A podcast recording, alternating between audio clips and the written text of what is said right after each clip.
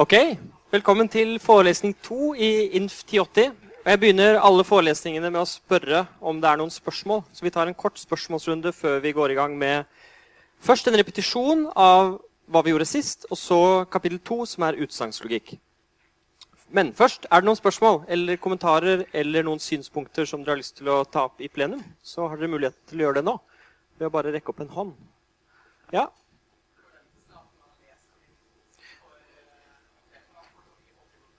Spørsmålet var forventes det nå i dag at vi har lest kapittel to, fordi akademika har jo ikke fått inn eh, nok bøker.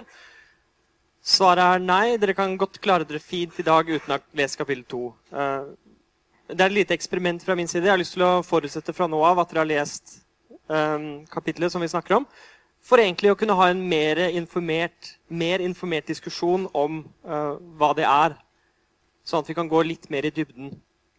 Disse forelesningene er ingen erstatning for å lese boken. På en måte så er det å få faget intravenøst, fordi man får det på en veldig kompakt måte.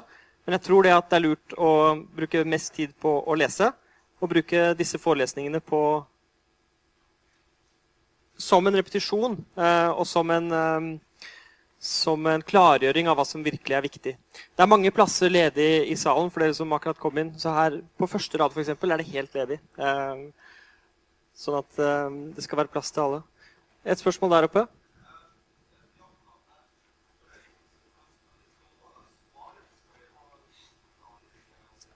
Veldig godt spørsmål. Når det gjelder innleveringsoppgavene, så var spørsmålet er det nok å bare gi svaret, eller skal man si mye mer?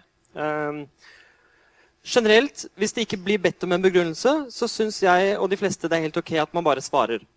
Hvis det er et regnestykke, hva er 3 pluss 5, så svarer man gjerne 8 uten å gi den lange begrunnelsen for hvorfor det faktisk er åtte. Eh, I mer komplekse eksempler så er det ikke så åpenbart. Men det står som regel eh, 'begrunn svaret ditt', gi en begrunnelse, forklar hvorfor, hvis det, er, eh, hvis det er meningen. Et annet spørsmål?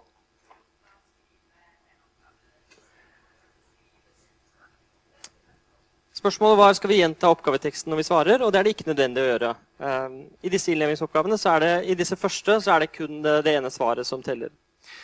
Jeg er nødt til å komme med noen kommentarer om innleveringsoppgavene. for det har kommet flere spørsmål om dem også. Um, innleveringsformatet er i ren tekst eller PDF. Hvordan dere lager den PDF-filen, spiller ingen rolle. Um, dere kan godt bruke LaTeX, dere kan godt bruke et annet verktøy, så lenge det blir enkelt å åpne for gruppelærerne. Så dette her er av hensyn til de som skal rette. For at ikke de skal få 50 forskjellige formater å åpne, så får de da enten ren tekst eller en PDF-fil. Innleveringsfristen er altså på fredag. Eh, I løpet av fredagen. Og det er den fristen jeg har, så vi lukker eh, innleveringsmulighetene da. Etter det så er det ikke mulig å levere. Det er ikke noen krise om man ikke får levert en uke, fordi det er kun to tredjedeler som er nødvendig for å ta eksamen. Så det, noe, så det går an. Dere kan regne ut selv hvor, hvor mange dere kan eh, droppe. Så når det er sagt, så lønner det seg å levere absolutt alle, for dere får tilbakemelding på dem. Det er én viktig ting, og det er at innleveringsoppgavene er ikke nok for å lese dette kurset. Det er en del som havner i den fella og bare gjør innleveringsoppgavene. Og ferdig med det. Og så går vi over til neste fag og andre ting. og alt det andre vi gjør. Det er et lite utsnitt av det dere skal lære, som en test. Det er ikke meningen um, at dere skal bare gjøre innleveringsoppgavene. Men det er som en liten test på om man har skjønt ting, og det er for å holde tempoet oppe og trykket oppe. Så Er det noen spørsmål om det før vi går videre? Ja?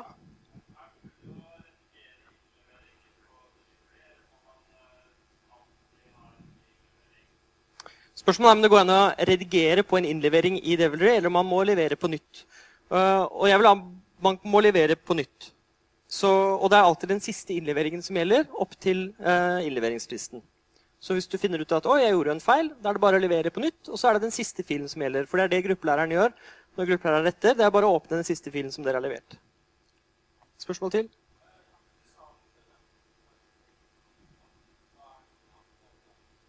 Eh, nettopp. Eh, så spørsmålet var, Du sa det ikke er nok med innleveringsoppgavene. Så hva er det annet vi skal gjøre? Så det jeg mente, for, for, å presisere det jeg mente med det um, Innholdet i kurset er mer enn innleveringsoppgavene. Så, og det jeg mener dere må gjøre, er å bruke fire timer på forelesning, to timer på gruppetime og syv timer i uken på å lese. Da har man sånn ca. en tredjedels uke. Så selvstudium er veldig viktig. Gjerne, Men dele det sammen med å ha noen å lese med og diskutere dette faget med. Teste ut faget på venner og kjente, eller aller best, finn noen som også tar kurset, og diskuter dette med. Fordi det er, Innleveringsoppgavene er ikke dekkende. da. Alt som er innleveringsoppgavene, er jo pensum eh, og er det vi skal lære. Og det er, en, det er, ganske sentrale ting vi spør om. Så det er ikke sånn perifert, men det er ikke nok, da. For hvis, er, hvis, du ser for deg en blink, så er det på en måte bare de tre innerste eh, sirklene. Og så er det syv sirkler utenfor som du også har lyst til å dekke. Eh, så, så, det å lese er viktig. Og det er igjen masse ekstralitteratur bakerst i boken for de som er interessert i det.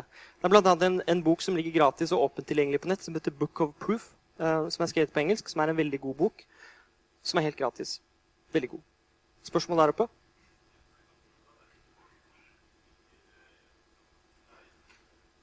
Innleveringsoppgavene ligger på kursets hjemmeside. Så du går bare inn på www.uio.no eller noe tilsvarende.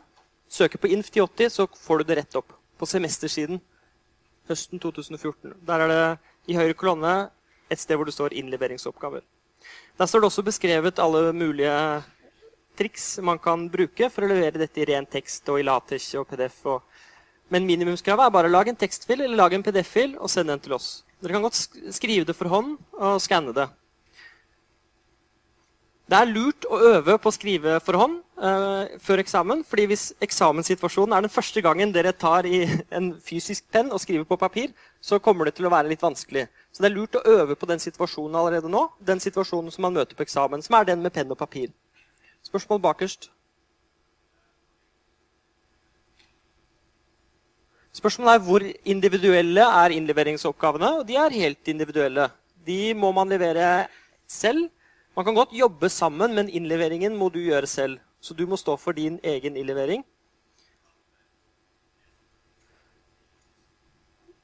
Spørsmålet var må vi da føre opp de vi har jobbet sammen med, og det er veldig lurt.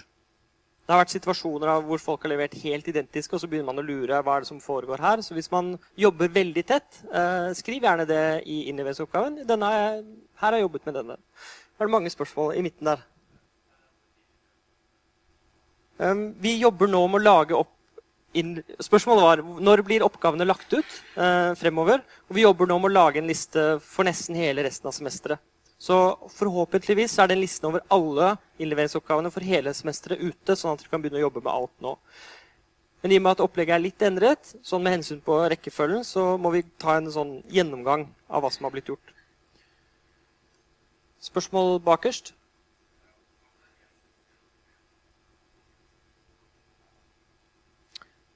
Spørsmålet var hva skal vi som ikke har fått tak i boken, gjøre?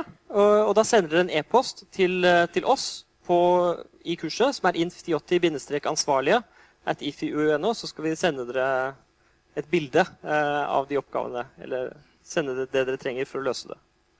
Sånn er det andre praktiske ting vi kan eh, ta i plenum. Ja, der. Nettopp. Spørsmålet var må alle oppgavene være godkjent for å få godkjent innleveringen. Og man får poeng. Du får mellom 0 og 12 poeng. Så er alt riktig, helt feilfritt, så får du 12 poeng. Hvis du leverer blank, så får du 0 poeng. Hvis du, virker, hvis du prøver, så får du poeng. Så her er det jo eh, nokså enkle oppgaver, så det burde være fint mulig for dere alle å få 12 poeng på denne. Uten problem. Uten å anstrenge dere spesielt mye. Altså Dere må selvfølgelig sjekke eh, nå. Denne uken så begynner gruppeundervisningen, og da er det lurt å ta en tur og kalibrere hva man har hørt, og stemmer dette, og spørre gruppelærerne om, om hva, hva, som, uh, hva, som, er tilfellet. Så det begynner altså denne uken. Det er obligatorisk gruppeundervisning de fire første ukene. så fra med denne uken. Jeg hadde et langt møte med gruppelærerne i går, og det er en fantastisk flott gjeng, så dere har virkelig noe å glede dere til, alle sammen. Er det andre spørsmål før vi på, begynner på fag? Midten der bak. Spørsmålet var har innleveringene noen innvirkning på karakteren vi får, og det har den ikke. Den, eh, du trenger to tredjedel godkjent for å få lov til å gå opp til eksamen. Så er det karakteren på eksamen som teller. Det er ikke noe midtveiseksamen, nei. Ok, Er det andre spørsmål? Hvis ikke så begynner vi med fag. Fint. Forrige uke så snakket vi om bevismetoder, og vi snakket om mengdelære. En veldig rask repetisjon av mengdelære følger nå. Så det vi snakket om sist, det var grunnleggende begreper og notasjon i mengdelære. Hva en mengde er, hvilke operasjoner vi har på mengder. Og de operasjonene vi snakker om, det er snitt, union og mengdedifferanse. Nå i første omgang. Og så hvordan mengder kan konstrueres og sammenlignes. I dag skal vi gjøre resten, og det var tupler og kartesisk produkt. Hva det er. Så jeg tror vi skal gå veldig raskt inn i den forelesningen og titte på hva det var vi gjorde. Og det, det som er spesielt viktig, det er union, snitt og mengdedifferanse. Så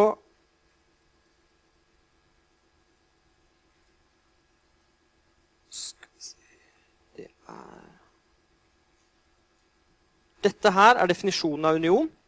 Unionen av to mengder er den mengden som inneholder nøyaktig det som er element i A eller B.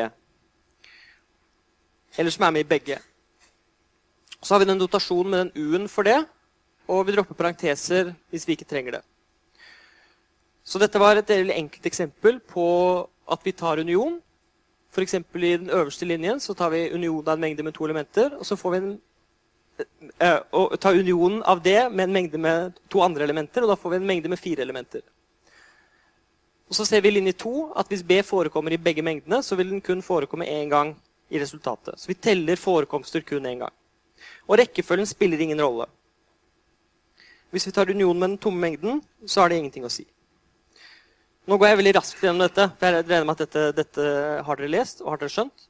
Snittet er det duale. Det er å ta det som er element i begge mengder. Og så bruker vi det symbolet der for snitt. Og dette er noen veldig enkle eksempler på det. Hvis vi tar mengden som består av A og B, og snitter med mengden som består av B og C, så får vi mengden som består av B.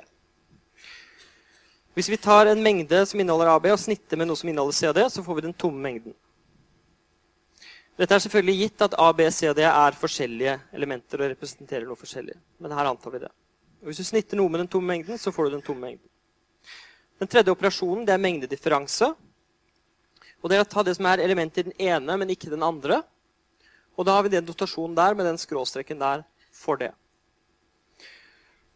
Her er noen veldig enkle eksempler på det. Hvis du tar mengden som består av A og B, og så tar du bort alle forekomster av A, og da er det viktig å ha mengdeklammer også her. Fordi det er en mengde på hver side av det symbolet. Da får vi det som er igjen. Og så var det noen enkle eksempler på det nedover der. Så det er de tre operasjonene vi har. Og så jobbet vi litt med å visualisere det, og det er det siste jeg skal repetere. Vi brukte disse Venn-diagrammene. Og nederst så er det en representasjon av de forskjellige operasjonene vi kan ta på mengder. Vi kan ta og visualisere den tomme mengden som, som et, noe som ikke er skravert inn. Og så kan vi representere A som én sirkel og B som en annen. Og hvis, hvis, vi gjør det, så følger dette som kommer til høyre. Da får vi at unionen det er hele området. Snittet det er nøyaktig det som er i midten. Og A minus B det er det som er med A, men ikke med B. Så det er det. Det er egentlig det vi skal sitte igjen med. Og så lærte vi to viktige tegn sist. Og det er tegnene for å være element i og være delmengde av. Så det er det siste jeg skal repetere nå, veldig raskt. Så hvis jeg kan bytte til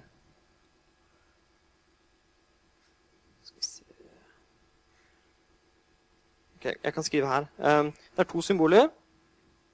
Skal vi se om jeg får dette til å virke. Det er, dette her er det ene symbolet, elementi, og dette her er det andre symbolet, delmengde av. Og de to symbolene brukes helt forskjellig.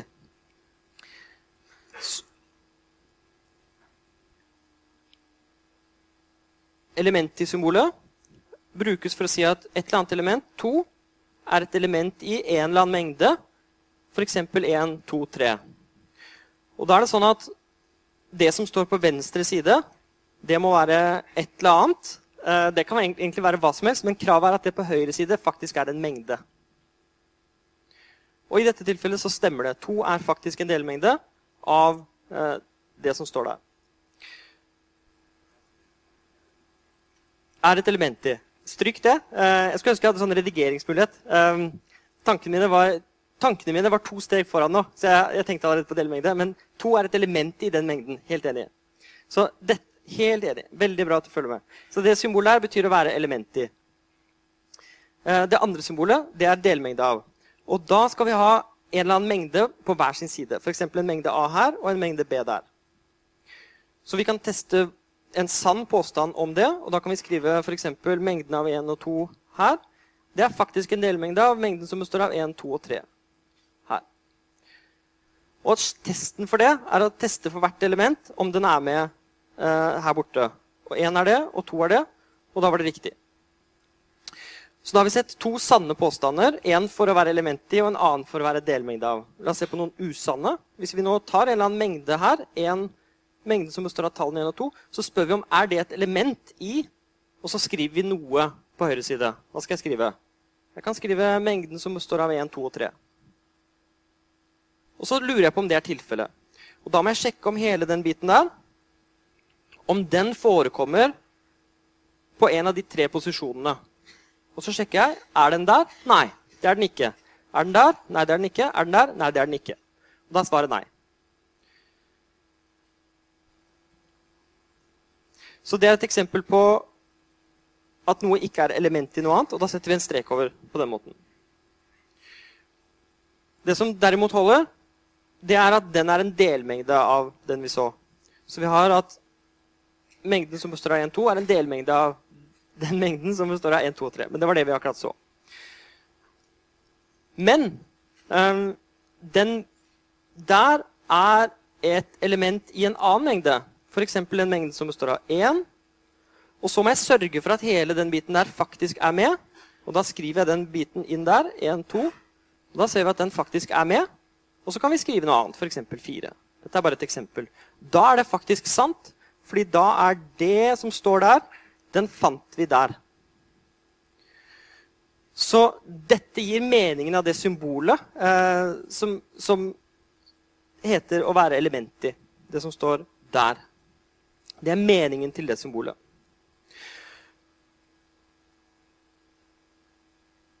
Og nå kommer det en test. Og da spør jeg Er 2-3, mengden som består av de to tallene, et element i denne mengden her?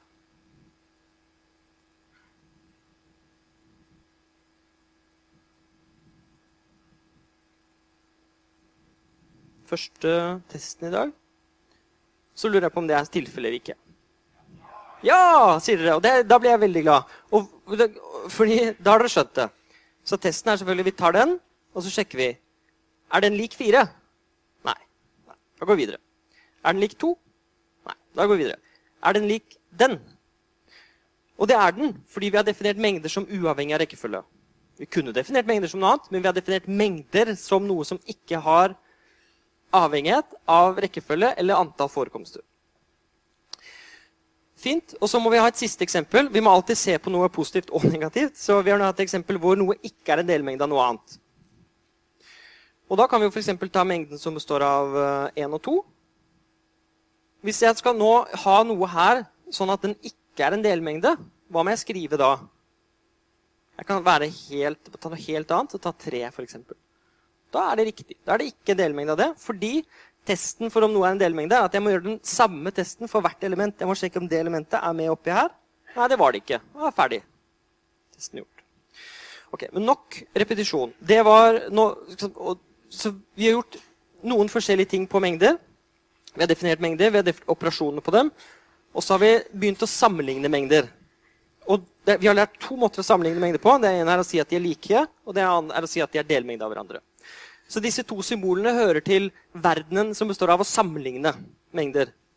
Elementi er noe mye mer fundamentalt. Det symbolet der brukes som en mye mer fundamental greie, som en del av hva en mengde faktisk er. Så det vi skal snakke om nå, er altså tupler og produkter. Det var det vi ikke rakk å gjøre sist. Så hva er et tuppel? Et tuppel på engelsk tuppel med n-elementer. Det kaller vi ofte et n-tuppel. Det er en samling med n-objekter der både innbyrdes rekkefølge og antall forekomster av hvert objekt teller. Et totuppel med to elementer kalles et ordnet par. På engelsk ordered pair, eller bare et par. På engelsk pair. Og så skriver vi det med disse klammeparentesene. Og så skriver vi de to elementene x og y inni med komma mellom. Og De klammeparentesene ligner litt på større enn og mindre enn, men de er litt, som litt høyere og litt mer eh, rette, for å si det sånn. Et nulltuppel det er det tomme tuppelet. Det skriver vi bare som to klammer ved siden av hverandre uten noe inni. Og et ett-tuppel med ett element x identifiserer vi bare med x. Istedenfor å skrive da tuppeltegnet på venstre side, den venstre klammen, og så x, og så den andre, så tenker vi på det bare som x. Så da har vi definert hva tupler er. Og vi kan si hva det vil si at to tupler er identiske. To n-tupler er like hvis de er komponentvis like. Og det det betyr, er at AI er lik BI, hvor I er enten da 1, 2 osv. opp til n. Dette er en veldig vanlig måte i matematikk å definere noe på. La meg kommentere bitte litt på det før vi går videre. For I denne definisjonen så definerer vi først hva tupler er. Så Det betyr at vi får en mengde. En pose, en bøtte, en klasse. Vi får en samling av det som er tupler. Og det ekskluderer en hel masse greier. Det er mye som ikke er tupler, og det er alt som ikke er på den formen. En mengde for eksempel, er ikke tuppel. I tuplene så er både rekkefølge og antall forekomster viktig. Og det er det, det, er det helt motsatte av en mengde. Så har vi denne mengden med tupler, og så ønsker vi å si når er det de er like. Det må defineres. Du kan ikke bare si at to tupler er like du ser jo det. Du må definere hva det vil si at de er like. Og måten å gjøre det på er å si at de er like hvis komponentene er like. og Dette er en veldig vanlig måte å gjøre det på. Og så her, Dette er en veldig abstrakt ting å si. Fordi AI, som står her, skal være lik BI, står det. Og så står det for I med i disse. Så det betyr at I-en skal først være 1. Det betyr at A1 skal være B1. Da er vi nødt til å se at den der skal være lik den der. Fint. Og så må vi sjekke for at når I er lik 2, så, så, det, så da, da, vil det stå A2 er lik B2. Da må vi sjekke A2 som er inni her, mot B2 som er inni der. Så må vi fortsette sånn.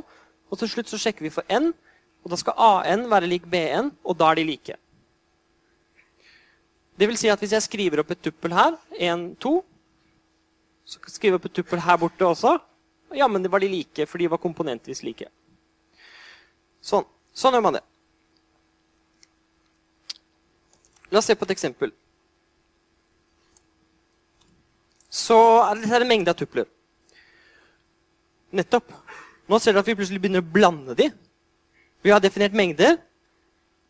Mengder er definert så generelt at vi kan ha mengder av mengder og uendelige mengder og endelige mengder og alt som helst. Hva som helst. Nesten. Og nå tar vi en mengde med tupler. Og Det første elementet i mengden det er tuplet som består av 1 og 2. Det andre elementet i mengden er tuplet som består av 2 og 4. Og det tredje er det som består av 3 og 6, osv. Og de tre prikkene betyr at her fortsetter det, og fortsetter det og fortsetter det i det uendelige. Og det er sunn fornuft hva som følger. Jeg tror de fleste vil være enige om at det neste tuppelet i den sekvensen det er tuppelet som består av fem og ti. Var det et spørsmål, eller besvarte jeg spørsmålet i prosessen?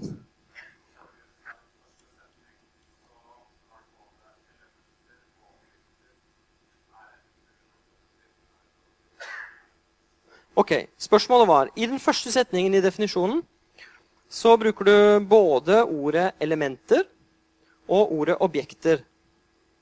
Så er elementer objekter? Er objekter elementer, eller hva er det du holder på med? var spørsmålet. Sånn, um, og jeg, dette er et kurs hvor det skal være lov å spørre om alt. Hvis noe som helst er uklart, så er det min plikt å gjøre det 100% klart for dere. Så hvis dere inni hodet deres har en eller annen forvirring, så er den legitim uansett. Den skal vi rydde opp i. Vi klarer ikke å rydde opp i absolutt alt på forelesningene, men ikke, ikke nøl med å stille sånne spørsmål. I denne definisjonen så brukes disse ordene som det som er oppi et tuppel, oppi et endtuppel. Og du kunne nesten erstattet ordet elementer og objekter med ting. Eller greier. Eller dingser. Fordi det er ikke mer spesifisert enn at det er noe. Et tuppel med n elementer. Og det som ligger i definisjonen da, er at ordet elementer blir faktisk definert. Dette er en indirekte definisjon av hva elementer betyr i konteksten av tupler. Og Her låser vi språkbruken. Fordi her sier vi at Når vi skal snakke om tupler fra nå av, og vi skal snakke om hva som er oppi der, de greiene oppi der, så kaller vi dem elementer. Og Det er meningen med den første setningen. Det er å fortelle oss, eller bli enige om en språkbruk. At vi kaller det for elementer. Og så sier vi at det er en samling med objekter. Og det kommenterte jeg på første forelesning. At en samling og et, og et objekt er ting vi ikke definerer videre. Og en objekt er bare en ting. Og en samling Hvis noen spør meg jeg skjønner, jeg skjønner ikke hva en samling er for noe, vel, da må vi settes ned, da. Eh, og så snakker vi om Her er en samling av oss. Skjønner du hva det er?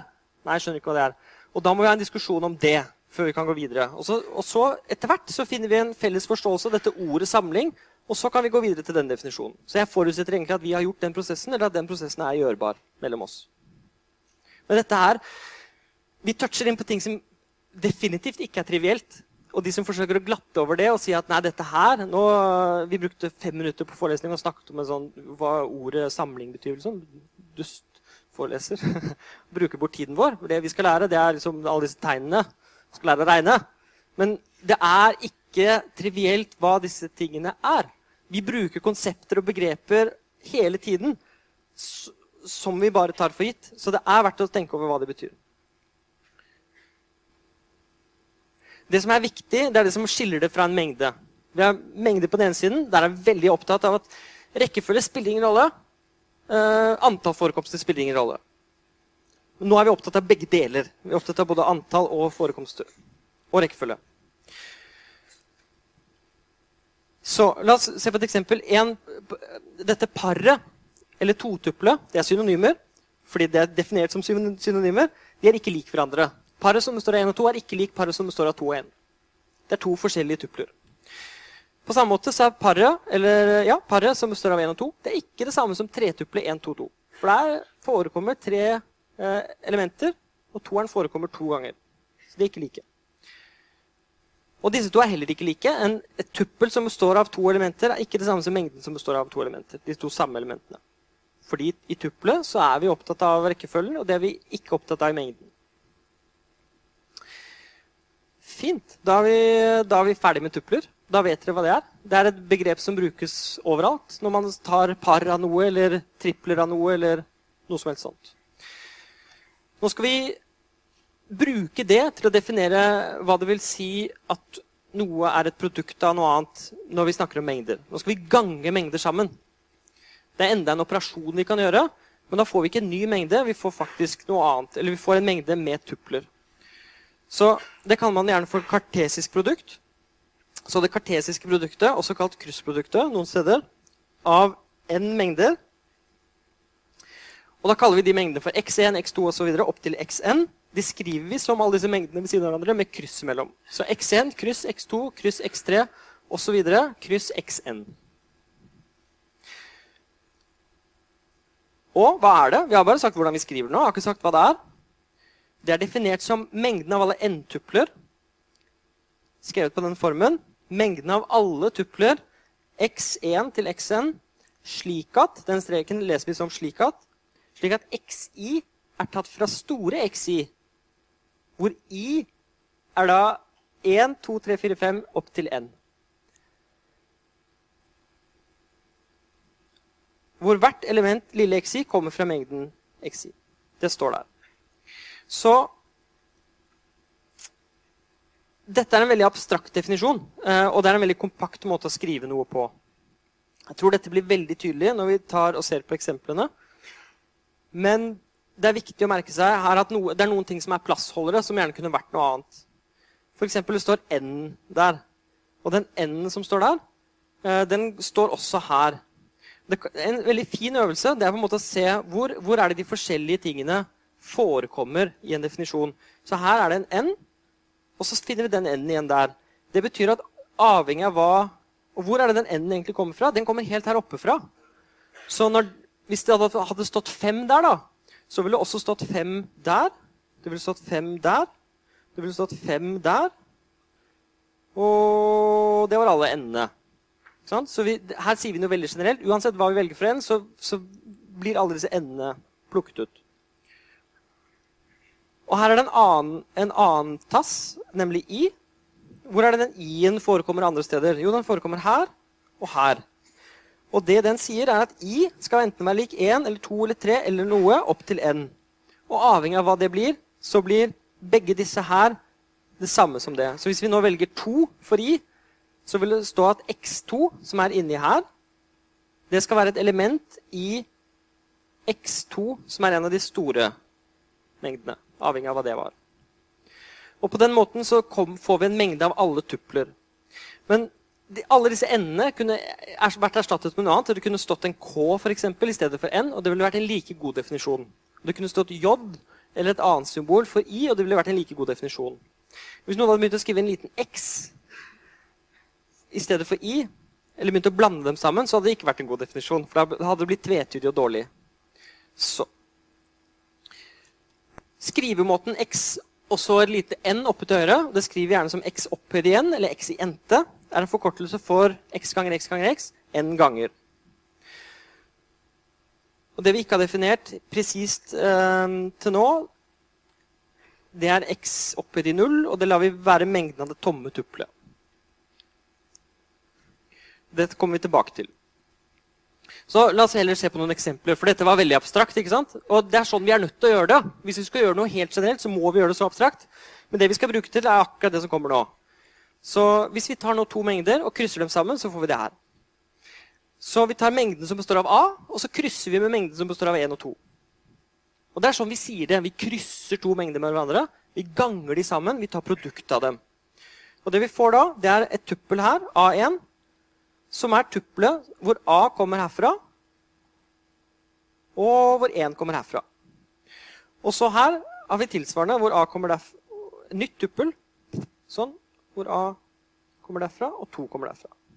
Så sånn bygger vi opp eh, mengdene av tupler. Hvis vi gjør det omvendte, da, hva får vi da? Ja, da får vi parene 1A og 2A. Vi ser her at rekkefølgen er viktig i tuplene, men ikke i mengdene.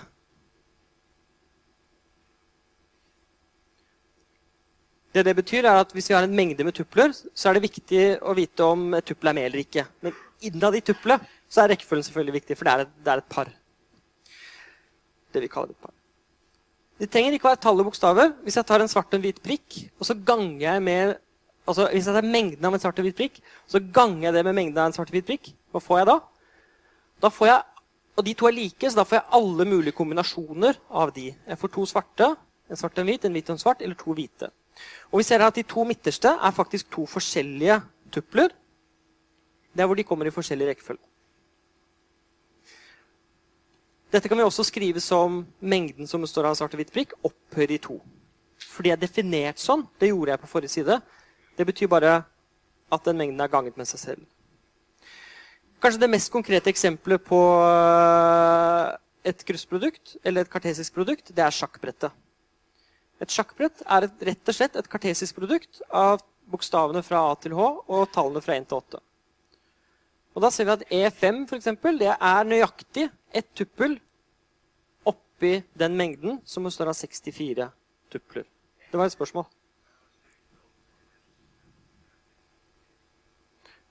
Jeg hørte ikke spørsmålet. Hva skjer hvis du opphøyer Spørsmålet var hva skjer hvis du opphøyer det i 3?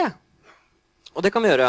Um, det var definert på forrige side. Så hvis jeg nå tar, jeg nå tar uh, en mengde som består av 1 og 2 Nei, la oss ikke ta 1 og 2, fordi vi skal bruke tall. La oss ta A og B. Og så opphøyer jeg det i 3. Sånn. Da får jeg rett og slett A og B ved siden av hverandre tre ganger med kryss imellom. Og definisjonen av det er alle tupler som jeg kan få ved å ta ett element fra hver av de mengdene og lage et tretuppel av de. Det betyr at jeg er nødt til å ha med et tuppel som består av A, A og A. Da har jeg tatt det første, eh, eller det som er skrevet opp først, fra hver mengde. Og så får jeg et nytt tuppel. Det er A og A og B. I det tuppelet der så har jeg tatt den A-en her, den A-en der og den B-en der. Og så må jeg fortsette sånn og ta med alle kombinasjoner av tre elementer. Og lage et tretuppel av alle de. Er det andre spørsmål? Ja?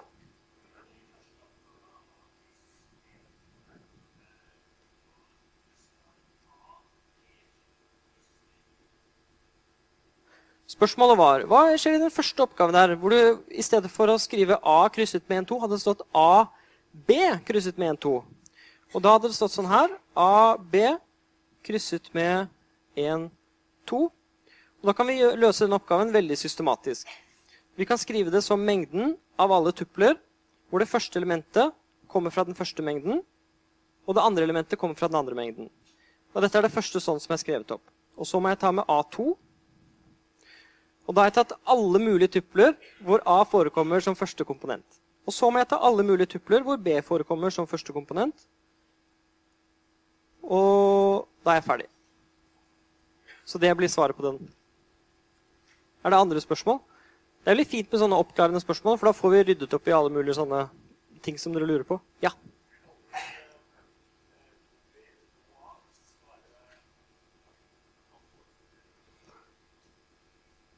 Spørsmålet var hvorfor blir det ikke 2A eller 2B eh, hvis du faktisk skal ta med alle forekomster? Og Det er et veldig godt spørsmål. Ehm, det er fordi rekkefølgen når vi skriver det tegnet der, er viktig. Det som står på venstresiden her, er det som skal bli førstekomponentene i parene. Det som står på høyresiden av det tegnet, er det som skal bli på andreplass i komponentene. Så det symbolet der er ekstremt følsomt for rekkefølge. Du kan ikke tulle med rekkefølgen når du ganger to mengder. A ganget med B er noe forskjellig fra B ganget med A. Og det, Her ser vi med en gang en forskjell fra tall. Fordi med tall så er vi vant til at to ganger tre er, tre ganger to. Nå ser vi plutselig en matematisk struktur som ikke har den egenskapen. Rekkefølgen er faktisk viktig når du ganger ting sammen. Så du får to forskjellige ting. Og det er nøyaktig det de to første linjene i det eksempelet viser. At hvis du tar A og krysset med 1, 2, altså mengden som består av 1, 2, så får du noe annet enn hvis du gjør det i motsatt rekkefølge. Dette er et fenomen vi skal komme tilbake til i hele kurset. at For noen strukturer så spiller rekkefølgen en viss rolle. Vi bruker et fancy, fancy ord for det, som heter kommutativ. Så ting som er kommutativt, da spiller ikke rekkefølgen noen rolle. Da kan du bytte om. Så multiplikasjon med tall kaller vi for kommutativt. Men dette skal vi komme tilbake til i kurset. Jeg bare sår et lite frø nå og nevner det ordet. Så det brukes hele tiden om akkurat det. da. Fint, så da har vi tupler eh, altså Resten av kurset kommer til å handle om par og tupler og mengder. Så dette er i veldig stor grad et fundament for alt som følger. Det er derfor det er så viktig å ha dette under huden skikkelig. Så her bruker vi en del tid på det nå. En ting som ikke er så viktig, eh, er multimengder. Men jeg har tatt det med som en ordentlig del i boken, bare for å si det. Eh, og at jeg skal ha hørt begrepet. Fordi nå har vi snakket om tupper på den ene siden og mengder på den andre siden som to ekstremer. Og multimengder er noe sånn i midt imellom. Det er mengder, men hvor vi teller antall forekomster. Men ikke rekkefølge. Så en multimengde, og det heter på engelsk en bag eller multisett, det er en samling objekter. Igjen samling objekter. Det er noe, en samling med ting. Det er rekkefølgen, men ikke antall forekomster av hvert element ignoreres. Så vi ignorerer rekkefølgen. Rekkefølgen blåser vi, men vi er opptatt av antall forekomster av hvert element. Og noen, I mange situasjoner så er det veldig naturlig. Du ønsker faktisk å ha en, en, mengde, for du er ikke opptatt av rekkefølgen, men du ønsker likevel å telle. Det er to forekomster av den strukturen oppi den mengden. Og Da kan vi bruke en ekstra notasjon for å gjøre det. Bruke firkantklammer for å gjøre det. For da har vi brukt opp de to andre typer klammer. Og det er vanlig, altså, det er ikke helt uvanlig å bruke denne. Så vi kan f.eks. skrive 2, 3, 3, 4 for en multimengde med to forekomster av tallet 3. Og det er en multimengde som er identisk med den jeg skriver opp nå. 3, 3, 2, 4. Og de er identiske fordi begge to har de samme elementene og like mange forekomster av hvert. Men vi er ikke opptatt av rekkefølgen. Så det betyr at 1, 2, 3 er lik 3, 2, 1. Altså multimengden som består av 1, 2, 3, er lik multimengden som består av 3, 2, 1. Men hvis jeg har med 1 to ganger i mengden til venstre, så er den ikke lik mengden som består av 1, 2, 3. Og så er det litt viktig. Når vi tar unionen av to multimengder, så har vi et valg. Hvis vi vil telle antall forekomster ekstra, så kan vi det. Hvis ikke, så trenger vi ikke det. Og her må vi ta, må vi ta et valg. Så hvis vi tar hvis du har en mengde, multimengde som består av 1 og 2, og en multimengde som består av 1 og, 1 og 2 og 3, så skal du slå de sammen. Okay. Da kan vi gjøre det uavhengig av antall forekomster. Vi ser at én forekommer i den ene og den andre, og det gjør to også, men vi teller det bare én gang likevel. En annen måte å gjøre det på er faktisk å telle de ekstra mange ganger. Så du kan plusse de, og det blir en annen form for union. Da tar du multimengden som består av 1 og 2, plusset med multimengden som består av 1, 2, 3. Da får du jo to forekomster av 1 og to forekomster av 2, men fremdeles bare én forekomst av 3. Så her må man ta et valg, og jeg har ikke lyst til å gå videre i dette, for vi kommer ikke til å møte multimengder igjen. Eh, kanskje bare én bitte liten gang, så jeg skal ikke bruke noe mer tid på det. Men det er greit å bare ha hørt om at det går an å definere sånne ting også. Med snitt så er det litt enklere. Hvis vi tar snitt av de to mengdene som står øverst til høyre der, 1, 1, 1, 2, 3, og altså multimengdene som står opp til høyre der, og 1, 1, 4, så ser vi at det eneste elementet som forekommer i begge, er 1. Og det forekommer to ganger i hver. Det forekommer ikke tre ganger i hver, så det ville vært feil å skrive at snittet var multimengde som består av tre enere. Og det samme når vi tar bort. og er, Her er det ganske intuitivt. fordi hvis du har tre forekomster av én, og så har du to og tre i en multimengde, så tar du bort to enere og en D. Da sitter du igjen med én ener, en toer og en treer. Og så kan vi definere delmengda på samme måte. Og da får vi dette tilfellet her, Hvis du har en multimengde med tre enere, så vil vi si at det ikke er en multidelmengde eh, av den multimengden som består av 1 og 1 og 2 og 3. Fordi du har jo tre forekomster i den til venstre, men ikke i den til høyre. Så det er det vi skulle ha om mengdelære. Og det er egentlig, jeg har ikke lyst til å si mer om multimengder, men det er greit å bare ha hørt om. Så er det noen spørsmål til mengder. Det er siste muligheten til å spørre i plenum om mengder og tupler og multimengder og alt sånt. For nå skal vi begynne med utsagnslogikk. Et spørsmål? Ja?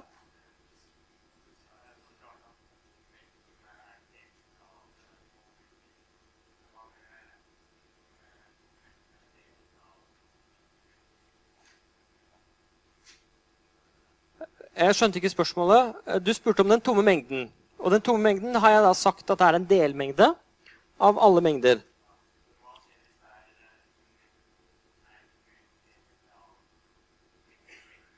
Spørsmålet er er den tomme mengden en delmengde av en mengde av mengder. Eh, og svaret er ja. Den tomme mengden er en delmengde av x, uansett hva du setter inn for x. Så lenge x er en mengde. Så det er helt generelt altså den tomme mengden uh, tomme mengden er en delmengde av A eller X, uansett hva du setter inn for den, så lenge det er en mengde. da. Hvis vi skriver noe annet enn en mengde der, så får vi noe som ikke gir mening. altså i en veldig presis forstand. Det er meningsløst, for vi har ikke definert hva det vil si at noe er uh, en delmengde av et tall. Så det er vi ikke. Det er fy-fy. Veldig fy-fy. Altså, for det er, ikke, det er ikke lov å skrive engang. Altså, ut fra lovlige definisjoner. da. Men den tomme mengden er altså en delmengde av uh, hva som helst hvis det er noe mengdegreier på høyresiden. Og med noe mengdegreier så mener jeg en mengde, bare. Uansett hva det er. Ja, et spørsmål?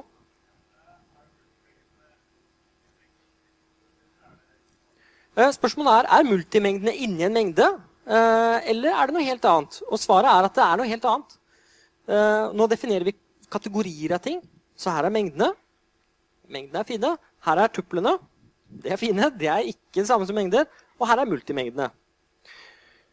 Når det er sagt, så kan du definere veldig ofte i matte noe via noe annet. Og I noen av oppgavene er det en oppgave som er gitt at du bare har mengder. Hvordan skal du definere og formulere hva tupler er da? Hvis du bare har mengder, hvordan kan du bruke det begrepet til å definere tupler? Og det samme kan du si om multimengder. Så her er det spørsmål om hva du vil ha i bunnen som fundamentet ditt.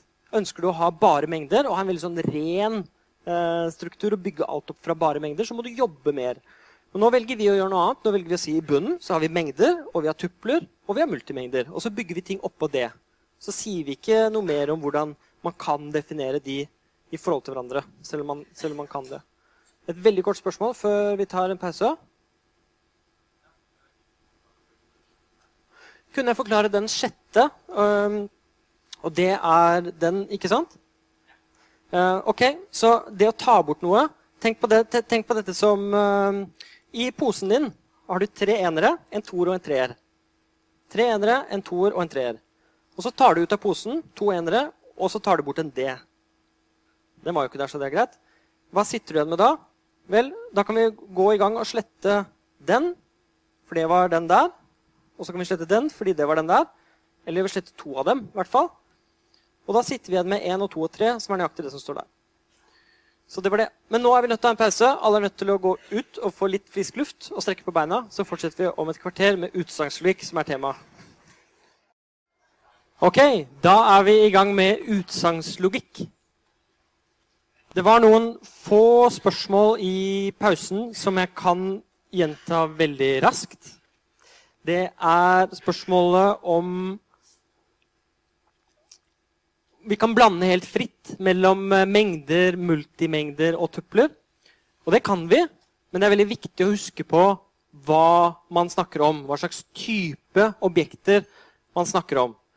Når vi bruker delmengde av symbolet, som ser slik ut Slik som i denne pennen som ikke virker. Ok, dette må vi få til å virke.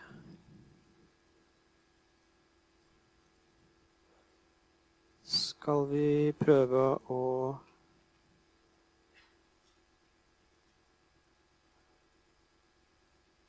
Dette systemet var jo litt rart, da. Sånn.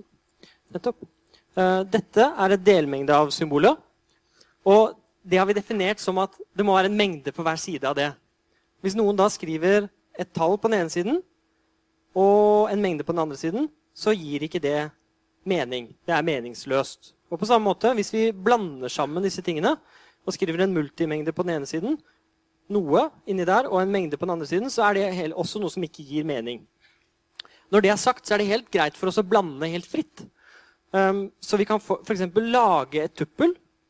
Og det første elementet i det tuppelet det er jammen meg en mengde som består av to elementer. Og det andre elementet det er en multimengde. Og det tredje elementet er et tall. Så det er et tretuppel med tre forskjellige objekter. Og de er av hver sin type. Det er helt greit. Det var noen som spurte er den tomme mengden en delmengde av en multimengde. Og Det var et veldig godt spørsmål. Fordi hvis vi skriver den tomme multimengden sånn, så er jo det en delmultimengde av uansett av alt, uansett hva vi tar. Men hvis vi skriver den tomme mengden og spør om den er en delmultimengde av noe, så er det et meningsløst spørsmål. fordi her sammenligner vi noe med noe annet. Her er det en mengde, og her er det en multimengde. Og det er fullstendig meningsløst. Det er meningsløst inntil det tidspunktet vi definerer det. Da er det ikke meningsløst lenger. På samme måte, Hvis vi skriver mengden mengden som består av eh, tre tall. 1, 2, 3. Og la oss si at vi sier eh, pluss 3. Hva betyr det?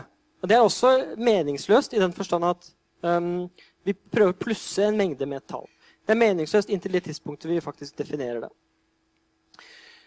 Ja, men et siste spørsmål om mengder. Spørsmålet er er det tomme med tuppelet med i alle tupler på samme måte som den tomme mengden er med i alle mengder. Og svaret er nei. Men her er det også en uh, tvetydighet i, i, i, ordbruken, for du sier 'er med i'. Og 'er med i' eh, tolker jeg vanligvis som 'er element i'. Og den tomme mengden er ikke et element i enhver tom mengde. Her er den tomme mengden. Den er jammen meg et element i denne mengden her, som består av én og den tomme mengden. For der er den. Ja? Men her har vi den tomme mengden, og den er jammen meg ikke med i denne mengden her, som består av to tall én og to. For den er jo ikke oppi der. Så når jeg sier at den tomme mengden er med, i den forstand at det er en delmengde av, så er det sånn at den tomme mengden er faktisk en delmengde av uansett alt, uansett hva som står her. Og så spør du et veldig godt spørsmål. Sånn, det er nesten sånn en analogi. ikke sant? Hvis står det tomme tuppelet, som ser sånn ut, er det da et element i det tomme tuppelet? Um, eller et annet tuppel. Og du mente egentlig innhold til, og det har vi ikke definert for tupler. Det, ble... det, er ikke lett å skrive her, altså. Så dere får unnskylde meg kråketegnene. Um, det er også noe som ikke er meningsfylt å spørre om. Fordi det symbolet der er definert som at det skal være noe på venstre side og så en mengde på høyre side. Og her er det ikke en mengde på høyre side, så det er et Vil ikke se det engang. Det er fordi det er en meningsløs ting å skrive. Så det er veldig viktig å bruke tegnene på riktig måte når vi jobber med dette. Men nå, dags, nå må vi jobbe med utsagnslogikk, som er tema for i dag. Så det vi skal gjøre, er å snakke nå om hva som ligger i begrepet utsagn. Vi skal representere utsagn på en god måte ved hjelp av såkalte utsagnslogiske formler. Og vi skal forstå sammenhengen mellom utsagn, som er atomære utsagn, som settes sammen ved hjelp av logiske bindeord, og formler på den annen side, som er utsagnsvariabler som settes sammen ved hjelp av konnektiver. Det er disse begrepene vi skal forstå i løpet av denne timen. Vi skal også um, lære begrepene nødvendig og tilstrekkelig, uh, og noen praktiske forkortelser. Men begrepene nødvendig og tilstrekkelig skjønner vi egentlig, for de er en del av vokabularet vårt. Men vi skal presisere de og snakke om hva de betyr i denne konteksten av utsagslogikk. Det sentrale spørsmålet i logikk, og det som er så utrolig interessant, det er hva er det som følger fra hva. Hva er det som følger fra hva? Og dette er ikke en, bare en abstrakt øvelse i, og en logisk lek, men det er dønn alvorlig. Fordi hvis du antar noe om verden, det være seg klima, galaksene, universet, atomene, hva som helst, så følger det ting fra de antakelsene, og det vi studerer her, er hva som følger logisk. Vi kan lage logiske systemer hvor veldig mye følger, eller hvor lite følger. Og disse tingene her kan vi leke med og forstå bedre ved hjelp av logikk. Og dette studiet er supergammelt. Altså det, to, altså det, formelle studiet begynte med Aristoteles og går over 2000 år tilbake. Og vi sitter her i dag med datamaskiner som kan tenke logisk for oss. Og det er utrolig spennende, og det er kanskje først nå at vi virkelig kan gjøre det på en ordentlig god måte. Men det sentrale spørsmålet er hva som følger fra hva. Vi skal snakke om utsagn, og vi skal nå presisere hva et utsagn er. Og Dette nevner jeg også fordi det er en øvelse i å definere et begrep. Så det vi studerer i utsagnslogikk, er utsagn. Og dette er en veldig fin abstraksjon for å snakke om resonnementer og logikk. Så vi skal nå nærme oss hva et utsagn er. Og så, når vi har gjort det, så skal vi representere det greiene der som er utsagnene, ved hjelp av symboler. Men vi kan ikke gjøre dette uten å snakke om hva utsagn er. Så nå er det på samme måte som vi bruker tall, eh, eller vi bruker siffer for å representere tall. Ser dere distinksjonen mellom tall og siffer? For tallet to er noe utrolig mye mer abstrakt enn, de forskjellige måtene å representere tallet to på. Vi kan representere tallet to i forskjellige tallsystemer, i forskjellige språk, med bokstaver, med tall på datamaskin. Det er veldig mange måter å beskrive det på, og det vanlige er å bruke siffer. Men tallet to er noe mye mer abstrakt. Og på samme måte så har vi nå utsagn, som er det som er mellom oss, som vi skal bruke symboler for å representere. Og denne distinksjonen er veldig viktig. Så la oss begynne der med å si hva et utsagn er. Fordi utsagnslogikk handler om utsagn. Så vi skal gjøre det enkelt. Et utsagn, eller på engelsk en proposition, er noe som kan være sant eller usant. Dette noe kan være en setning, ytring eller meningsinnholdet til slike setninger og ytringer. Og dette er med vilje bitte litt vagt. Jeg appellerer nå til intuisjonen deres om hva som kan være sant og usant. Så I boken så går jeg gjennom noen eksempler. Sånn, 2 pluss 2 er lik 8. Det er noe, det er et eller annet objekt som er skrevet ned som kan være sant eller usant. Og I dette tilfellet så vil de fleste si at det, er, det var usant. Men det er i den kategorien. Og det vi gjør nå, det er så viktig, for vi, vi, vi, vi vi lager et skille mellom det som er utsagn og det som ikke er utsagn. For å presisere hva i alle dager er det vi faktisk snakker om. Så det annet som kan være utsagn, er at det fins uendelig mange tall. Det er noe vi kan uh, snakke om som noe som er sant eller usant. Så det havner i den kategorien. Eller sånne ting som er mer empiriske, mer konkrete, som at spenning måles i volt, eller at denne setningen står på side 1. Dette er ting vi kan sjekke, og det er sant eller usant. Så de oppfyller definisjonen, og derfor kaller vi dem kaller vi disse for utsagn. Men vi må se på det motsatte også, det som ikke er utsagn. Så et spørsmål er f.eks. ikke et utsagn. Når er eksamen? Hvorfor ikke? Nei, fordi det kan ikke være sant eller usant. Dette havner ikke i den kategorien av ting som kan være sant eller usant. Hurra! Eller sol og måne. Eller måtte nysgjerrigheten blomstre. Det er sånne ting som de havner ikke i kategorien sant eller usant. Og nå mener jeg ikke nødvendigvis at den skal havne i kategorien sant eller kategorien usant. Jeg vil at den skal havne i kategorien greier som kan være sant eller usant. Og det er en forskjell på det. Så den må ikke være sant eller usant, men det må være et eller annet som har den karakteren at det er sant eller usant. Fint. That's it. Da vet vi hva utsagn er. Og filosofer og andre studerer dette og har studert det i flere tusen år. Er, man har konferanser om utsagn. Uh, man forsker på hva utsagn er, og hva det ikke er. Og det er dypere enn hva man tror på overflaten. Så, men vi kaster egentlig alt det til side nå og tenker at greit, dette er utsagn. Vi vi jobber herfra. De som har lyst til å diskutere dette, er mer enn villige til å gjøre det. Og det er veldig interessant. Men det hører ikke hjemme her. Så vi skal dele utsagn i atomære og sammensatte utsagn. Litt på samme måte som atomer og molekyler og store og små bestanddeler av noe. Så utsagn kan analyseres og deles opp i mindre og mindre, mindre biter, helt til vi kommer til sånne atomære utsagn som ikke på en naturlig måte kan deles opp med. Noen sånne atomære utsagn kan f.eks. være at Oslo er hovedstaden i Sverige. Det er, ikke, det er ikke så enkelt å dele opp den noe mer i sånne mindre biter. Eller at alle partall er delelig med to. Eller at jeg er glad. Eller at 5 pluss 6 er 7. Dere skjønner greia? Det går ikke an å dele de opp så mye mer enn det. Så den, vi går ikke inn i den interne strukturen på dette nivået. Um, og vi kan velge ganske fritt hva som er atomære utsagn i en viss kontekst. Litt senere i kurset så skal vi snakke om førsteordens logikk, og da skal vi gjøre det. Da skal vi gå inn i detaljene og se hva er det som er inni dette atomet. Hvordan kan vi analysere det i enda større detaljer? Men det gjør vi ikke nå. Så vi har valgt et nivå, og vi skal holde oss på det nivået. Nå skal vi bruke logiske bindeord til å bygge opp større utsagn. Så fra disse atomære utsagnene, som per definisjon er sånne som kan være sanne eller usanne, så kan vi bygge opp sammensatte ved hjelp av logiske bindeord som er og, eller, ikke eller hvis så. Så vi kan f.eks. si Oslo er hovedstaden i Sverige, og 5 pluss 6 er lik 7. Vi sa at Denne kan vi dele opp i to mindre utsagn som er atomære. Så hvis 5 pluss 6 er lik 7, så er alle partall deler med 2. Jeg er glad, eller jeg er ikke glad. Så uansett vi, hvordan vi setter sammen atomære utsagn, ved hjelp av disse ordene, så får vi større utsagn.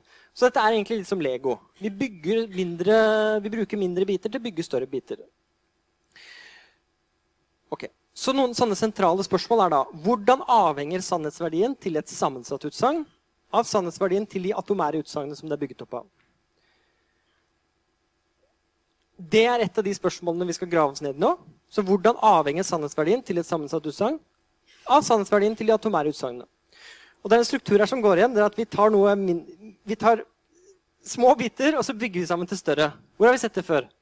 Vi har sett det i mengder. Vi begynte med små mengder, og så tok vi unionen av dem. Vi tok snitt av dem. Vi tok differansen mellom dem. Og så undersøkte vi hva var det vi fikk. Hvilke egenskaper var det de nye mengdene hadde.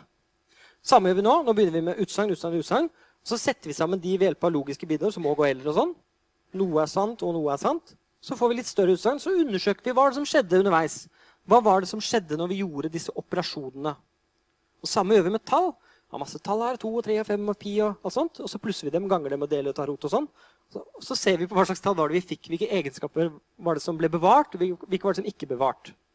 Og Det samme skjer her. Vi tar utsagn, og så undersøker vi hva det som skjer med disse utsagnene. Og Det samme gjør vi igjen og igjen og igjen. og igjen. Vi skal snakke om mange andre typer matematiske strukturer, og vi gjør alltid det samme. Vi begynner med de enkleste, og så setter vi dem sammen, og så ser vi hva er det som skjer når vi setter dem sammen. Så Et annet spørsmål er hvilke utsagn er sanne uavhengig av sannhetsverdiene til de atomære utsagnene. Så hvilke utsagn er sanne uansett? Hvis jeg sier 'jeg er glad' eller 'jeg er ikke glad', og så sier noen bare 'dø', det er greit. Og det vi mener med det, er at det er jo alltid sant. For den setningen, det utsagnet, det vil være sant uansett om jeg er glad eller ikke. Så vi ser at det er noen ting som er sanne uavhengig av hvordan de mindre bestanddelene er. Har vi sett eksempler på det før? Ja. Hvis vi tar en mengde og snitter med den tomme mengden, så får vi den tomme mengden uansett. Så her har vi også en sånn uansett-egenskap. Uansett hvordan det ene ser ut, eller andre ser ut, så er det noe som skjer. Og sånn er det her altså. Vi skal undersøke strukturen i utsagn og se at når de har denne strukturen, så er de alltid sant. Et ord for det er tautologier. Okay. Så det vi skal gjøre nå, er å abstrahere over utsagn og representere dem symbolsk. På samme måte som vi representerer tall med siffer. Eller representerer mengder ved å skrive dem på arket på en bestemt måte. Vi skal bruke symboler og tegn for å representere og regne på utsagn, akkurat som vi gjør med andre matematiske objekter. Så det som skjer nå, er at vi har et sånt spor eh, som består av utsagn. Og Det er de tingene som kan være sanne eller usanne. Og så har vi et annet spor, som er tegnene som vi bruker for å representere de utsagnene. Og disse to sporene er helt i parallell. Og når noe beveger seg på den ene siden, så beveger det seg på den andre siden. Og, og sånn fortsetter det helt oppover. Og det er et samspill mellom det som er semantikk på den ene siden, som er utsagnene, og syntaksen, som er disse symbolene på den andre siden, som er veldig rikt og flott. Og Det er det vi skal gjøre nå. Vi skal utforske det, og vi skal gjøre matematikk på utsagn istedenfor på tall. Så parallellen er formler. På den ene siden så har vi utsagn, og den, den syntaktiske um, motsvarigheten, eller det som er på andre side, kaller vi for formler. Og da må vi representere utsagnene med noe. Og da representerer vi de atomære utsagnene med atomære formler. Og det kaller vi for utsagnsvariabler. Så én utsagnsvariabel er en variabel, PQ eller R, eller lignende. Det er en veldig vid definisjon. Og vi sier at en utsagnsvariabel er en atomær formel. Så vi bruker bare bokstaver i dette tilfellet. P, Q, R og sånn for å representere utsagn. Så dere kommer til å se P-er og Q-er og R-er overalt snart. Husk at de representerer utsagn. Akkurat på samme måte som variabler representerer tall. Så utsagnsvariabler representerer atomære utsagn. Nøyaktig hva som er disse utsagnsvariablene, er ikke så forferdelig viktig. Det som er viktig, er at vi har nok utsagnsvariabler til å uttrykke det vi ønsker. Vi, om du bruker små eller store P-er og Q-er, eller A-er og B-er, eller hva det skal være, så er det ikke så nøye. Hvis du begynner å tulle med det, og begynner å bruke tall som utsagnsparabler, så vil jeg si at det er en ekstremt dårlig idé. Fordi da forvirrer du leseren og deg selv med å blande sammen for mye ting som allerede har en mening. Det er derfor vi bruker P-en og Q-en og R-en og A-en og B-en og X-en og Y-ene. Fordi de veldig ofte brukes som plassholdere og variabler. Ok. Nå skal vi lage sammensatte formler på bakgrunn av atomære formler. Og det skal vi gjøre for å representere sammensatte utsagn. Altså, hvis dere skal følge med på et eller annet tidspunkt, så er det nå. Fordi vi har utsagn. Hva var utsagn? Husker vi hva utsagnet var? Noe som er sant eller usant, som havner i den kategorien. Og så kan vi sette sammen utsagn. Vi kan si 'Hvis du kommer på festen, så blir jeg glad'. Hvis man trener, så blir man sterk. Hvis to pluss to er fire osv. Det er utsagnet. Nå representerer vi dem med symboler og tegn og bokstaver. Det eneste vi har gjort til nå, er å bruke store bokstaver. Nå skal vi gå videre. Så la oss si at vi har et sammensatt utsagn som er hvis man trener, så blir man sterk. Hvis vi skal representere det, så må vi ha flere symboler. I dette tilfellet så har vi to veldig naturlige atomære utsagn. Det er 'man trener', fordi det er noe som er i den kategorien at det kan ha en sannhetsverdi. Fordi man trener, enten så er det sant, eller så er det usant. Og 'man blir sterk' er også noe som kan ha en sannhetsverdi i en, i en, viss kontekst. Noen kan diskutere på det og si at det der er ikke noe som kan være sant. Det er altfor vagt eller er altfor upresist. I denne konteksten er dette et fint eksempel. Disse utsagnene disse atomære, kan vi representere ved hjelp av utsagnsvariabler. I dette tilfellet to bokstaver. T og S. T er en bokstav, en utsagnsvariabel, som representerer utsagnet man trener. Og S er en, er bokstav som representerer utsagnet 'man blir sterk'. Det sammensatte utsagnet kan nå representeres ved hjelp av den utsagnslogiske formelen parentes T, og så pil, og så S, parentes slutt. Den pilen bruker vi nå for å representere noe som skjer i denne utsagnsverdenen av utsagn. Vi bruker de, disse symbolene for å representere det. T, pil, S symboliserer, det formaliserer, det fanger inn, det representerer det utsagnet som sier at hvis man trener, så blir man sterk. Det er derfor pilen går den veien. For den går hvis T, så S. Hvis trener, så sterk. Trener gir sterk. Trening gir sterkhet. Hvis man trener, så blir man sterk. Det er uendelig mange måter å si det på. Eh, men faktum gjenstår at dette er fem symboler. Det er to parenteser, en pil og to bokstaver som representerer noe i denne utsagnsverdenen. Så det var et eksempel på et konnektiv, den pilen. Og et konnektiv, det er disse. De logiske konnektivene. Det er de fire der. Og de fire har en intuisjon, og det er at de representerer de logiske bindeordene i språket vårt. Hva var de? Det er og, eller og ikke og hvis så. Så intuisjonen er at det symbolet der, den haken, først en liten strek horisontalt og så en liten vertikal, det betyr ikke. Vi leser det som ikke. Men det er bare et symbol. Men intuisjonen er at det betyr negasjon. Det betyr ikke, det betyr nei, det betyr uenig. Det betyr det motsatte av. Det betyr det duale. Det er en opp-ned av noe. Så, så det er, men det er bare et symbol, men det representerer det motsatte. Det symbolet der betyr òg, og det er en sånn opp-ned-V, som er litt større enn en V, og som rettere streker. Og den der betyr eller. Og pilen betyr impliserer eller hvis så. Så disse konnektivene er en del av symbolspråket. Det er en del av tegnene. Hadde, hadde dette vært et programmeringskurs, så ville dette vært en del av de lovlige programmene man kan skrive i, i dette programmeringsspråket. Og det er symbolene vi skal bruke for å sette mindre formler sammen til større. Så det skal vi gjøre nå helt systematisk. Vi skal lage et univers av formler ved hjelp av bokstaver og disse. På akkurat samme måte som vi har et univers av algebraiske uttrykk. X pluss Y delt på to er et algebraisk uttrykk som er satt sammen av mindre bestanddeler, som er X og Y og to og pluss og deletegn. Og det samme gjør vi her. Vi lager sånne syntaktiske uttrykk som vi nå skal um, bruke til å representere utsagn. Et veldig raskt spørsmål.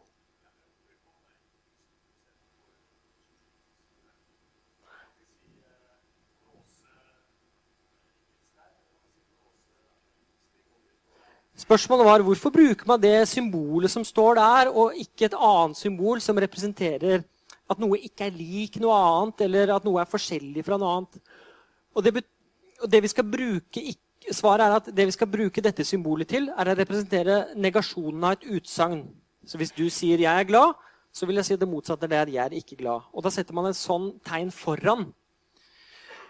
Det du beskriver som er um, ulikhet, det er en relasjon som vi skal komme tilbake til, mellom to forskjellige enheter. At noe er ulikt noe annet. Her er det mye med sånn at det er denne ene tingen som vi tar det motsatte av. Så hvis du skal sammenligne det med noe i matematikk, så er det, så er det å ta minus av et tall.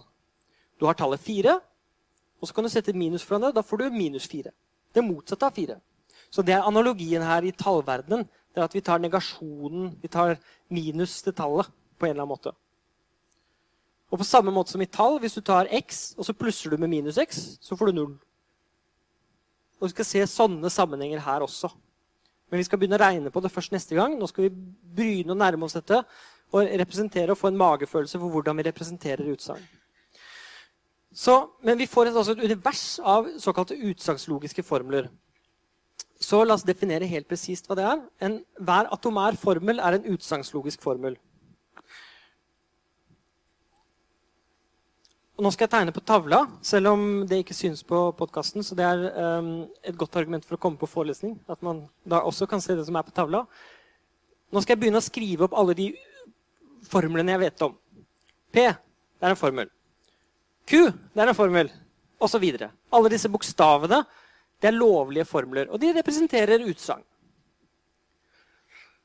Hvis F og G er utsagnslogiske formler, så har vi at følgende også er utsagnslogiske formler. Ikke F er en utsagnslogisk formel. Og nå er F en plassholder, og G er en plassholder, sånn at de kan, de kan stå for noe annet. Så da ser jeg her, hvis, hvis P er en utsagnslogisk formel, og det er den fordi den står på tavla, og tavla full, skal, den skal jeg fylle med formler, da har jeg også lov til å skrive ikke P. Den delen av definisjonen som står der, gir meg lov til å skrive ikke P. Fordi den sier at hvis F er en formel, dvs. Si den står på tavla, så har jeg lov til å skrive ikke F også. Så fant jeg noe, og så skrev jeg ikke det noe. Og det samme med Q. Jeg har også lov til å skrive ikke Q. Og R jeg har også lov til å skrive ikke R. Så det er lovlige formler. Men nå kan jeg være smart, for nå står det ikke P der. Og Det betyr at jeg har også lov til å skrive ikke ikke P. Og det er også en lovlig formel.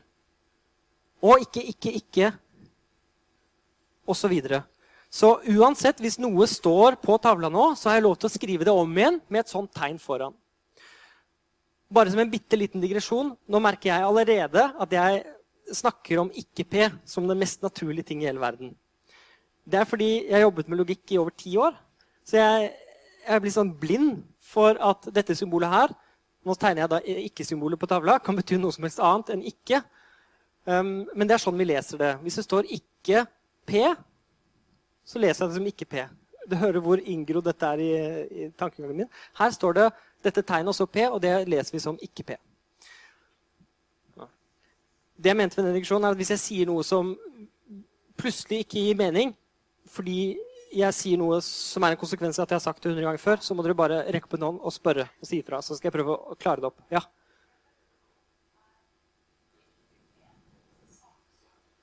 Veldig godt spørsmål. Eh, spørsmålet var er ikke ikke-P det samme som P. Det er to svar på det. mange svar på Det Det første svaret er nei. Det er ikke det samme, fordi de er, ser forskjellige ut. Den ene har tre tegn, og den andre har ett tegn. Vi skal snart komme til semantikken og hva disse tingene betyr. Og da skal vi definere en form for likhet, hvor svaret er ja. På samme måte som hvis du tar et tall x og så tar du minus av det, og så tar du minus en gang til. Da får du jo x tilbake. På akkurat samme måte så får du p tilbake. Men det er to forskjellige uttrykk, men de uttrykker det samme. Nå skal vi holde alt på et sånn syntaktisk nivå. Så jeg skal ikke blande mening inn i det, bortsett fra å bygge intuisjon på hva, hvordan vi leser det, og vi, hvordan vi tolker det. Neste forelesning på torsdag skal vi begynne å gi presis mening til alt sammen og gi det en semantikk. Var det et spørsmål? Jeg svarte på det. Fint. Da går vi videre. Um, vi kaller denne for negasjon til F. Så denne her er negasjon til den. Nå peker jeg på tavla. Uh, ikke P er negasjon til P. Denne representerer et utsagn, og det utsagnet er ikke F. Så hvis F representerer utsagnet 2 pluss 2 er lik 4, så representerer ikke F i symbolspråket at 2 pluss 2 ikke er lik 4. Det motsatte av negasjonen av. Ok. Neste steg så står det at parentes F og G er en utsagnslogisk formel. Og det er under antakelsen at F og G er det. Så nå på tavla så skriver jeg opp alle utsagnslogiske formler jeg vet om. Og her står det noe. Det står at Hvis F og G er det, så kan jeg sette dem sammen til en større en. Og da gjør jeg det. Da tar jeg P-en, som allerede står der, og så skriver jeg parentes P, og så skriver jeg det og-tegnet og Q og parentes slutt. Der var den. Og så skal jeg fortsette. Jeg skal skrive opp absolutt alt jeg kan klare. Da må jeg også skrive P og R. Er det noen som har flere forslag til hva jeg kan komme på å skrive? P og ikke P. Hvorfor har jeg lov til å skrive det? Jo, det har jeg lov til å skrive fordi P står der. Det er en formel, så det er F-en min. Ikke P står der, så det er G-en min. F og G er plassholdere, så de representerer nå veldig abstrakt disse to formlene. Og så setter jeg de sammen til en ny, og den står der. Og som dere ser, så kan jeg ta hvilke som helst to av de som står her, hvilke som helst, og så kan jeg sette et sånn og-tegn mellom. Så jeg kan nå faktisk ta den som står der, P og Q. P og Q. Og så kan jeg sette den sammen med f.eks. ikke R. Sånn. Er det greit, det som står der nå? er det greit? Nei, det er ikke greit. Jeg mangler noen parenteser. Ja, nå er vi på helt sånn syntaktisk nivå.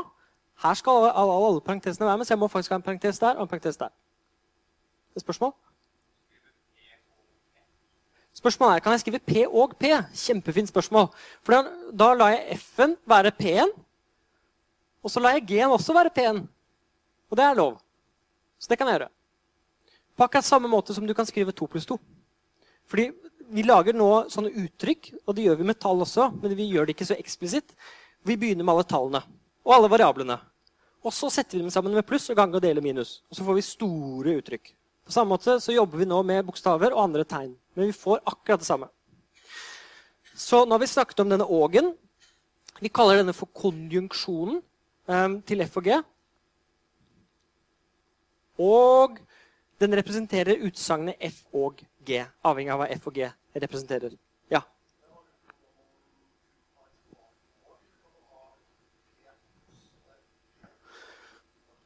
Spørsmålet er er det lov å ha, er det lov å sette sammen flere med det og-tegnet, eller det, må, vi, må, vi, ha to?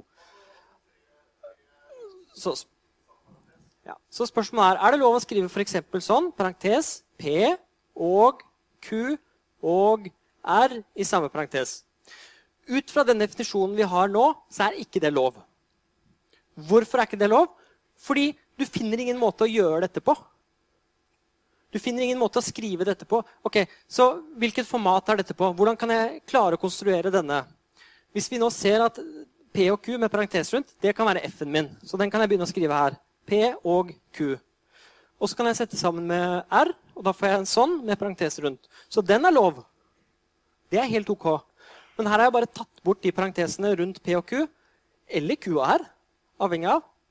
Og det er ikke uten videre lov. Vi skal etter hvert eh, mot slutten av denne delen si at det er greit, det også. Så lenge det er entydig. Men i, nå i begynnelsen så har vi ikke lov til å tulle med det. Og det er gode grunner til at vi skal være veldig veldig nøye med dette. Formlene F og G kalles for konjunktene. Så hvis jeg nå har satt sammen P og Q til en konjunksjon, som er P og Q med det tegnet imellom, så kaller vi P for en konjunkt og Q for en konjunkt. Det er bare fancy fremmedord for en komponent i en konjunksjon. En del av en konjunksjon. Fint. Nå skal vi gjøre akkurat samme de to andre symbolene. Og det, fra nå av så er det, resten av definisjonen er helt lik. Så hvis F og G allerede er formler, så har vi lov til å skrive F eller G på denne måten. Vi kaller denne for disjunksjonen av F og G. Og, og disjunksjonen representerer utsagnet F eller G.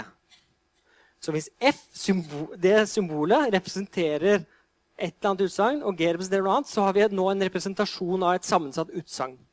Igjen så er det helt sånne parallelle løp, men er, vi har et skarpt skille mellom dem. Så når vi gjøre det, da, vi lager en disfunksjon, da velger jeg ikke ikke P som min F. Det har jeg lov til, for den står der. Og så har jeg lov til å sette et, et eller-tegn, og så kan jeg velge en annen, f.eks. ikke Q som står der.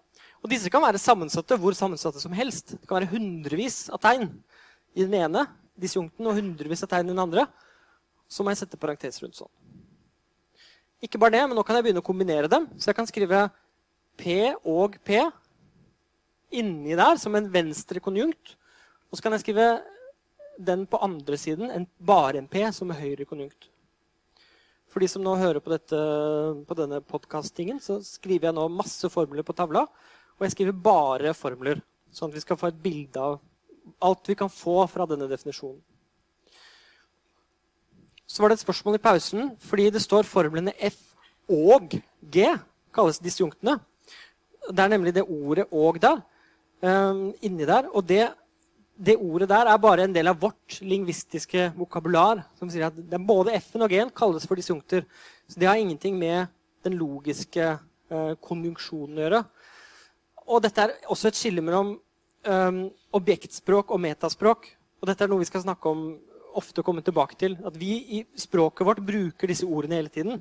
I løpet av denne forelesningen har jeg brukt 'hvis så' og 'og' og 'eller' og 'ikke' veldig mange ganger som et virkemiddel for å snakke med dere. altså som en, som en del av kommunikasjonen.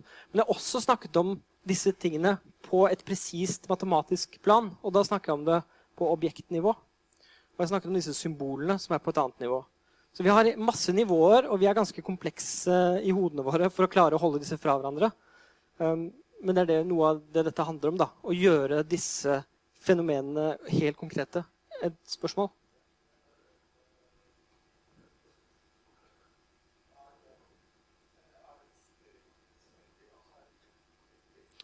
Spørsmålet er om uh, denne distinksjonen er såkalt sånn strengt eller, at det er en enten-eller, eller det vi kaller en eksklusiv eller.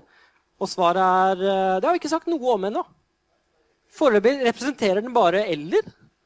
Men, ja. Så det du spør om, er jo hva er tolkningen av denne? Og det skal vi komme til senere. Og vi skal tolke den inklusivt. Vi skal tolke den som at det er sant uansett hvilken, og begge kan godt være sanne. Men det har vi ikke sagt noe om ennå. Foreløpig er det bare tegn. Det er bare syntaks. Det er som å lære et nytt programmeringsspråk. Og så har vi den siste, og det er pilen. F-pil G det er en utsagnslogisk formel. Også. Vi kaller denne for implikasjonen mellom F og G. Og nå kan jeg begynne å skrive parentes, og så kan jeg velge meg hvilken som helst av de som står der. Og så kan jeg sette en pil, og så kan jeg velge meg hvilken som helst annen, og så sette bak pilen. Nå kan jeg velge meg f.eks. ikke ikke P impliserer P eller Q. Sånn. Helt fri eh, til å velge hva jeg vil. Så jeg kan lage alle mulige slags implikasjoner. Og kanskje den enkleste det er bare den som er parentes P, pil, parentes Altså parentes P, pil, P, parentes slutt. Det er kanskje den enkleste implikasjonen som fins. Hvor mange formler uh, står det på tavla nå? Sånn 15 formler ca. Det fins uendelig mange av dem. Uendelig mange. Så lenge vi har ett eneste tegn, f.eks. P, så får vi uendelig mange. Det er bare å se den rekka som går nedover her. Ikke P, ikke ikke P, ikke ikke ikke P. Så vi får vilkårlig mange ikke-tegn foran. Men også en veldig rik struktur. Så det vi har laget nå, er en matematisk struktur. Og denne kaller vi for formel.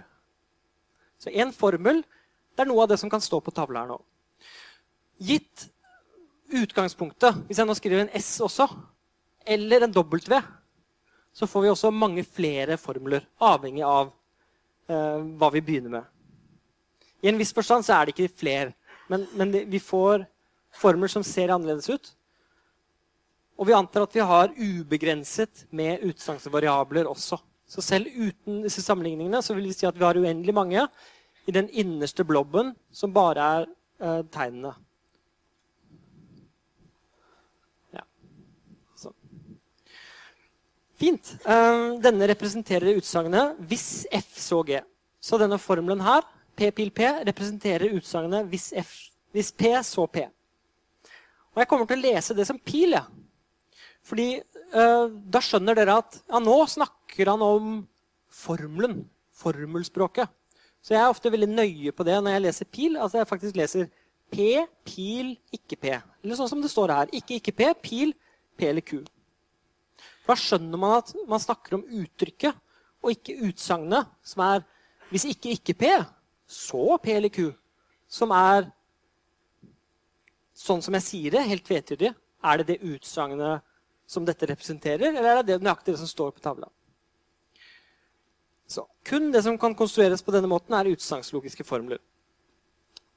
Dette er et eksempel på en måte å definere noe på som vi skal gjøre mange ganger. Vi begynner med de minste bitene, og så bygger vi opp et helt univers av kule ting. Så la oss se et eksempel på hvordan det er. Hvis PQR er tre utsagnsvariabler, så får vi at PQR det er utsagnslogiske formler. Hvorfor det? Fordi de er variabler. Vi får at ikke-P er en utsagnslogisk formel fordi P er det. Vi får at konjunksjonen av QR er en formel fordi QR er det. Og her er alle parentesene på plass. dere? Og så kan jeg sette sammen alle disse igjen til en stor distinksjon. Som igjen er en utsagnslogisk formel. Vi ser at denne formelen er konstruert innenfra og ut. Og det er en struktur som er veldig viktig å være klar over. Så den, den blir bygget opp innenfra. Det betyr motsatt at vi kan begynne utenfor og så skal vi nøste oss innover enda mer spesifikt så kan vi spørre hva slags type formel er dette? Hva slags type utsagnslogisk formel står der nå? Og da ser vi at Hvis vi begynner utenfra å gå inn, så er det første symbolet vi kommer til, det er en disjunksjon. Og Derfor så sier vi at det er det symbolet der. Derfor så sier vi at dette her er en disjunksjon. Det er en eller-formel. På samme måte som hvis du har et kjempestort algebraisk uttrykk med x pluss y delt på z. Er det en pluss eller er det en minus eller en gang eller en dele som er det ytterste? Veldig ofte så er det det man begynner med å finne ut. Ja, det er faktisk to ganger med noe. Og så jobber man seg videre derfra. Samme måte her. vi kan faktisk visualisere og tegne det. Og det gjøres veldig ofte som et tre, et syntaktisk tre på denne måten her. Dette er bare en visualisering av den formelen. Som viser veldig tydelig at du har en disjunksjon på toppen som består av en negasjon av en P og en konjunksjon av to andre variabler. Så det siste vi skal gjøre, det er å se hvordan vi kan bruke dette symbolspråket til å representere noe. Så da um, må jeg ha en P og en Q. Og det enkleste jeg fant, var på en måte polka for P og disko for Q, som var litt sånn annen musikk. Så nå bare antar vi at vi skal representere at griser liker polka. Dere får tolke dette som dere vil, men det er i hvert fall et meningsfylt utsagn. Som P. Griser liker polka. Det tolker vi nå som. Altså Vi bruker symbolet P for å representere et utsagn om dyr og musikk. Griser liker disko som ku. Det som er interessant nå er at Hvis jeg kombinerer disse utsagnene og skriver 'griser liker ikke disko', så må jeg representere det, hvis jeg skal være konsistent, ved hjelp av eh, kuen og et sånt negasjonstegn foran. Og Der står det altså 'ikke ku'. Så resten er nå liksom en øvelse. Hvordan skal jeg nå representere Griser liker både disko og polka. Da er det veldig fint, for da kan jeg bruke symbolet vårt for og og representere det som P og Q. Så her ser vi på venstre side utsagn, på høyre side formler. Og Det er dette jeg mener med disse to kolonnene og disse, disse, denne parallelle bevegelsen. Og så ser vi at dette blir vanskeligere og vanskeligere. Men det er her det også det interessante skjer. Hvordan skal vi representere Griser liker ikke både disko og polka. De liker ikke både og. Hvordan løser vi den? Vel, Vi har allerede representert at de liker både som P og Q. Så hvis vi bare slenger et negasjonstegn foran, så representerer vi at det er ikke slik at de liker både og. Og Det vil jeg si er en god representasjon av at de ikke liker både disko og polka. Hva med denne, da? De liker polka eller disko. P eller Q? Rett på. Og nå blir det vanskeligere. Griser liker polka eller liker ikke polka. Vel, vi har griser liker polka er en P, og liker ikke polka er en Q. Nei, er en ikke-P. Og da må det bli P eller ikke P. Og vi ser at Den er jo sann uansett, men det skal vi komme tilbake til. Det er semantikken igjen. Men hva med denne? Griser liker verken polka eller disko. Vel, det er to måter å gjøre det på. Men en verken-eller, det er jo det er på en måte at hvis de verken liker polka eller disko Det betyr at de ikke liker polka. Garantert. For de liker verken eller. De liker heller ikke disko. Og dermed kan vi bruke en konjunksjon. Vi kan si at ikke P og ikke Q er en ålreit representasjon av at de liker verken eller. For de er jo sånn at de ikke liker polka eller ikke liker disko. Men det går også an å si at vet du hva? det er sånn at de ikke liker det er ikke slik at det er sånn at griser liker polka eller at griser liker disko. Så vil si at dette er to måter å representere det samme utsagnet på. Og så kan vi bruke pilen. Hvis griser liker polka, så liker de disko. Og det er lett å gjøre, for det er med pilen. Og der stopper vi. Og vi skal fortsette nå med å analysere pilen og snakke om nødvendige og tilstrekkelige betingelser. Og så gir vi semantikken for dette om to dager. Så vi ses på torsdag klokken tolv og fortsetter nøyaktig her vi slapp.